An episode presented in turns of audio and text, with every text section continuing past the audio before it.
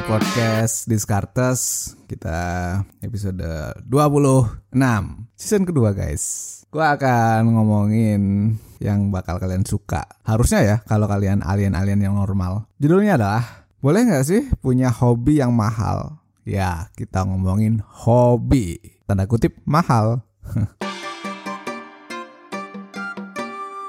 Buat teman-teman semua yang baru join ke podcast Diskartes, ini adalah podcast tentang keuangan, investasi, ekonomi, dan bisnis bla bla bla yang berhubungan sama duit. Di season kedua gue akan challenge, gue akan kulik ide-ide dari buku, orang, berita-berita di sekeliling, habit kayak kalian, dan tentu akan ditambahkan dengan ide dari gue sendiri.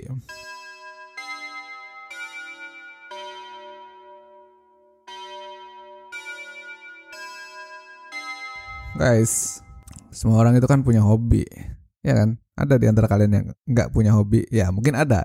Karena beberapa kali gue sempat ketemu dengan orang yang bilang, gue nggak tahu nih hobi gue apa, gue nggak tahu duit gue mau gue apain lagi. Ya good for you karena lu punya duit, masih untung gitu kan. Yang jadi masalah adalah nggak punya duit, nggak punya hobi, hmm, harus kerja. Ya meskipun orang yang punya hobi pun juga harus kerja gitu.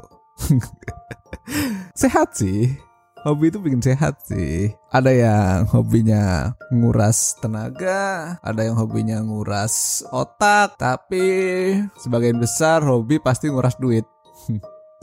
Kenapa? Ya karena ketika kita udah suka banget sama sesuatu bisa jadi sampai ke level yang di luar akal sehat orang yang nggak di bidang itu contoh nih gue hobi naik gunung gue keluar duit berapa puluh juta gitu kan buat orang yang nggak suka naik gunung dia akan mikir ngapain lo keluar duit segitunya? Mending 20 juta 30 juta 40 juta bisa digunakan buat DP mobil lah atau buat beli kopi satu truk lah. Ya semacam itu. Sama contoh lu semua hobi beli mainan yang disusun-susun itu keluar duit nih jutaan nih yang kalau lo lihat di YouTube itu ada yang unboxing unboxing lu ngeluarin duit segitu banyak orang lain niat ngapain lu keluar duit kayak gitu cuman buat mainan doang kata-kata cuman nih gue nggak demen nih ada kata-kata cuman karena happiness orang kan beda-beda, hobi orang beda-beda, nggak bisa kita ukur kesamaannya. Sepedaan juga gitu, ada yang harganya mahal, ada yang harganya murah, ya sah saja punya sepeda yang mahal. Panjang lu bisa beli, memang lu mampu beli. Make up, oke, ciwi-ciwi yang hobi punya make up, ngumpulin make up lebih tepatnya ya. Terus game, skin game itu kan juga nggak murah. Lu lihat aja di YouTube itu berapa puluh juta tuh bisa 20 juta, bisa 30 juta hanya untuk game yang online buat naik level dan ya semacamnya gitu kan. Gue bukan gamer sekarang, Mak. Jadi gue nggak terlalu ngikutin, tetapi gue tahu bahwa itu nggak murah, nggak murah. Ada sebuah pesan ya, bukan pesan sponsor karena ini podcast nggak ada sponsornya nih. Jadi hobi itu nggak hanya membuat orang jadi lebih lebih happy, lebih bahagia, ya. Ternyata sisi lainnya dia juga bikin orang punya skill tambahan nih. Terus bisa bikin mikir lebih kreatif nih di luar kerjaannya gitu. Bahkan hobi-hobi tertentu itu bisa menghasilkan uang kembali guys bisa menghasilkan. Lebih ekstrim lagi ada orang yang hidup dari hobinya. Jadi bukan hanya sebagai set hustle tapi bener-bener literally hidup dari hobinya. Kalian tahu gak sih kalau Facebook itu awalnya dari hobi? Tahu nggak? Kalian tahu nggak? Ada orang-orang yang tajir gara-gara dia hobi jalan-jalan terus bikin video masuk ke YouTube jadilah dia youtuber traveler. Orang yang hobi main game direkam masukin ke YouTube jadilah youtuber gaming influencer dan lain sebagainya ya mereka hidup dari yang awalnya hobi. Eh ternyata kecemplung sekalian jadi kerjaan. Gua nggak nyuruh kalian buat kayak gitu. No no no. But what I want to say is respect. Jadi kita akan respect orang yang punya hobi. Dan kita akan untuk diri kita sendiri adalah kelola hobi kita. Bukan bagaimana hobinya menjadi cuan, no, tetapi gimana dengan uang yang kita punya, lu boleh ngelakuin hobi, lu nggak ngelanggar aturan. Kenapa? Karena banyak banget sepasang keluarga bisa berantem gara-gara si A ngelakuin hobi yang ternyata dianggap oleh pasangannya terlalu mahal. Hmm, terlalu mahal guys. Boleh nggak kalau hobinya mahal? Boleh kok, boleh banget. Tapi ada rumusnya. Rumusnya adalah income dikurangi total kebutuhan dan investasi, itulah jatah dari hobi. Dah, lo muter aja di situ, dah aman pasti. Kalau ini dipegang, maka lo sama pasangan nggak usah ngomel karena ya nggak akan ada masalah karena income lo udah nutupi nih kebutuhan primer plus investasinya udah tertutup. Jadi dana yang ada bisa dipakai untuk hobi. Ada yang sayang sama hobi mahal koleksi tas. Terus meskipun dia mampu mau beli tas harga mahal kok sayang ya. Ya udah berarti nggak usah beli karena memang levelnya bukan di situ. Simple as that. Tapi kalau lo mau dan lo mampu dananya ada ya udah hajar. Kalau lo nggak ada rasa sayang sayangan gitu maksudnya sayang keluar duit ya. Karena kalau misalnya lo ada rasa sayang keluar duit ya berarti memang nggak usah di situ hobinya. Hobinya cari yang di bawahnya aja.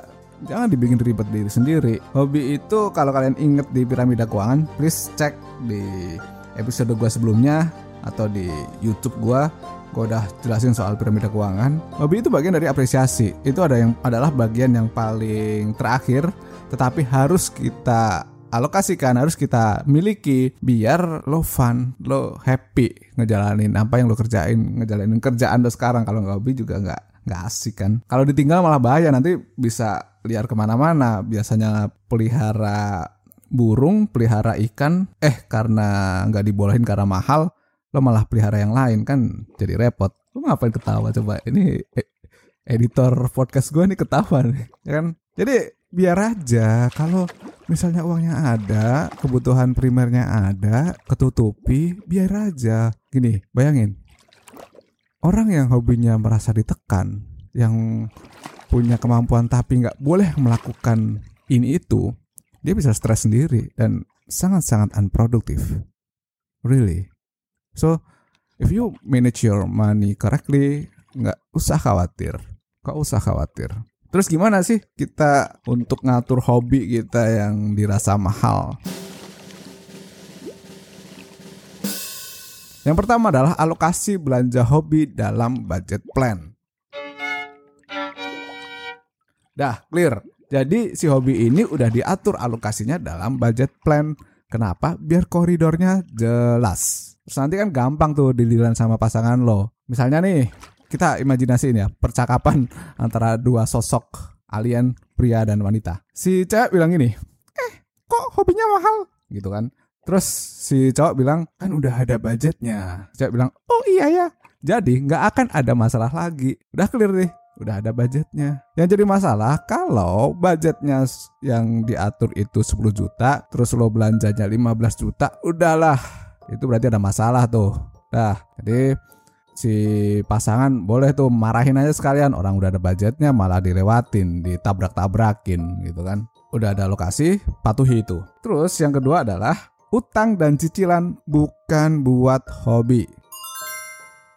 Clear, nggak boleh lu ngutang untuk ngelakuin hobi. Ini kalau balik ke konsep piramida keuangan yang sudah kita pelajarin, di bagian fondasinya adalah debt management. Jadi terkalkulasi utang-utang yang lo punya.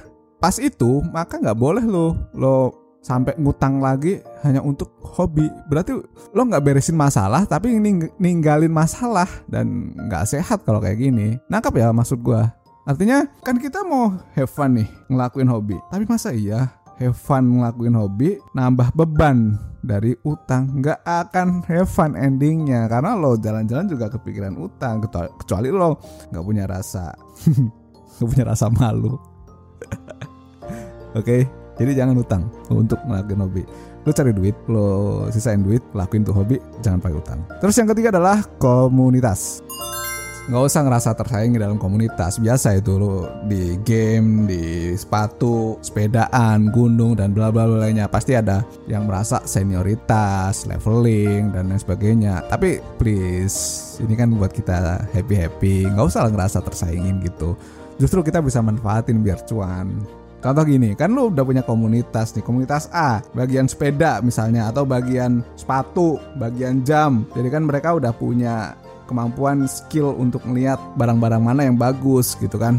Kalian bisa serap informasinya atau pas kalian mau beli barang ke tempat lain kalian bisa ajak teman satu komunitas untuk tahu nih mana sih barang bagus dengan harga yang miring gitu. Atau di level yang lebih tinggi ternyata kalian sudah punya channel untuk dapat barang-barang bagus. Jual ke komunitas dapatlah duit. Nah ini kan bisa dimanfaatin. Komunitas bisa jadi tempat buat lo ngembangin apa yang lo suka ngembangin pengetahuan lo dan bahkan bisa jadi tempat lo dapat duit. Pretty good right? Gitu loh. Terus yang keempat adalah fun. Goalsnya bukan boncos. Artinya lakuin hobi karena lo memang pengen benar-benar happy. Karena lo ingin refresh dari rutinitas.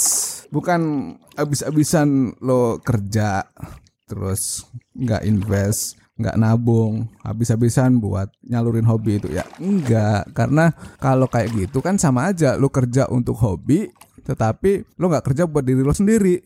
Ya kan? Bayangin kalau misalnya lo nggak membayar diri lo sendiri artinya nggak menabung nggak invest terus lo ada masalah di kantor nanti akhirnya nggak ada income lagi gimana nasib lo nanti? Apakah lo akan ngerepotin orang lain? Apakah lo ada solusi ketika itu terjadi pikirin itu baik-baik. Jadi kita melakukan hal sesuai proporsinya. Niatnya adalah untuk senang-senang bukan untuk rugi-rugi. Terus yang kelima kebutuhan keluarga itu tetap utama.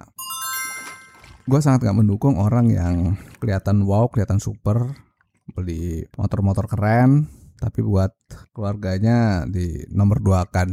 Itu nggak pantas sih. Karena keluarga itu kan primer ya buat kita. Primer buat lo semua. Jadi menurut gua lo harus mengutamakan itu dulu.